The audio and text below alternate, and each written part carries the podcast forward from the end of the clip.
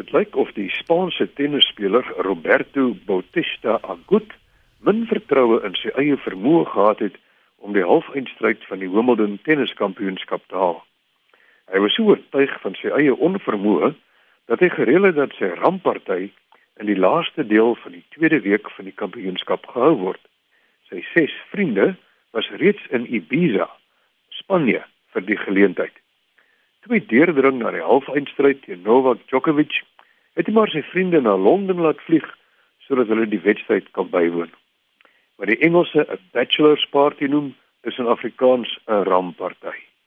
Maar dit is veral 'n geselligheid vir 'n man wat binnekort gaan trou en ons stel dit teenoor 'n henneparty.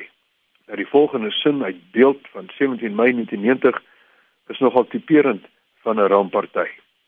Daar is nie soos op baie rampartye wild te kere gegaan nie en die bruidegom is nie gedwing om te drink tot hy omval nie. Die verkleinwoord van ram is rammetjie of rampie. Interessant genoeg is rampie nogal 'n bekende bynaam in Afrikaans vir 'n man. Baie van ons onthou nog vir rampie stander, die springbok voorhy. Ons is oor die algemeen lief daarvoor om diername as byname te gebruik en dan veral vir mans. Ek weet van bees maree, perd, steenkamp, haas, skoeman, skaap, louter, uil pretorius en nog baie ander. 'n Ramkat is nie 'n ram of 'n kat nie, maar 'n man of iets anders wat besonder bekwame is of wat 'n goeie prestasie gelewer het of wat 'n bietjie spoggerig is. In 'n resensie van Sewende Laan is die volgende gesê: Die mengsel wat oubaas ingekry het, het die ou gryse verander in 'n warmbloedige ramkat.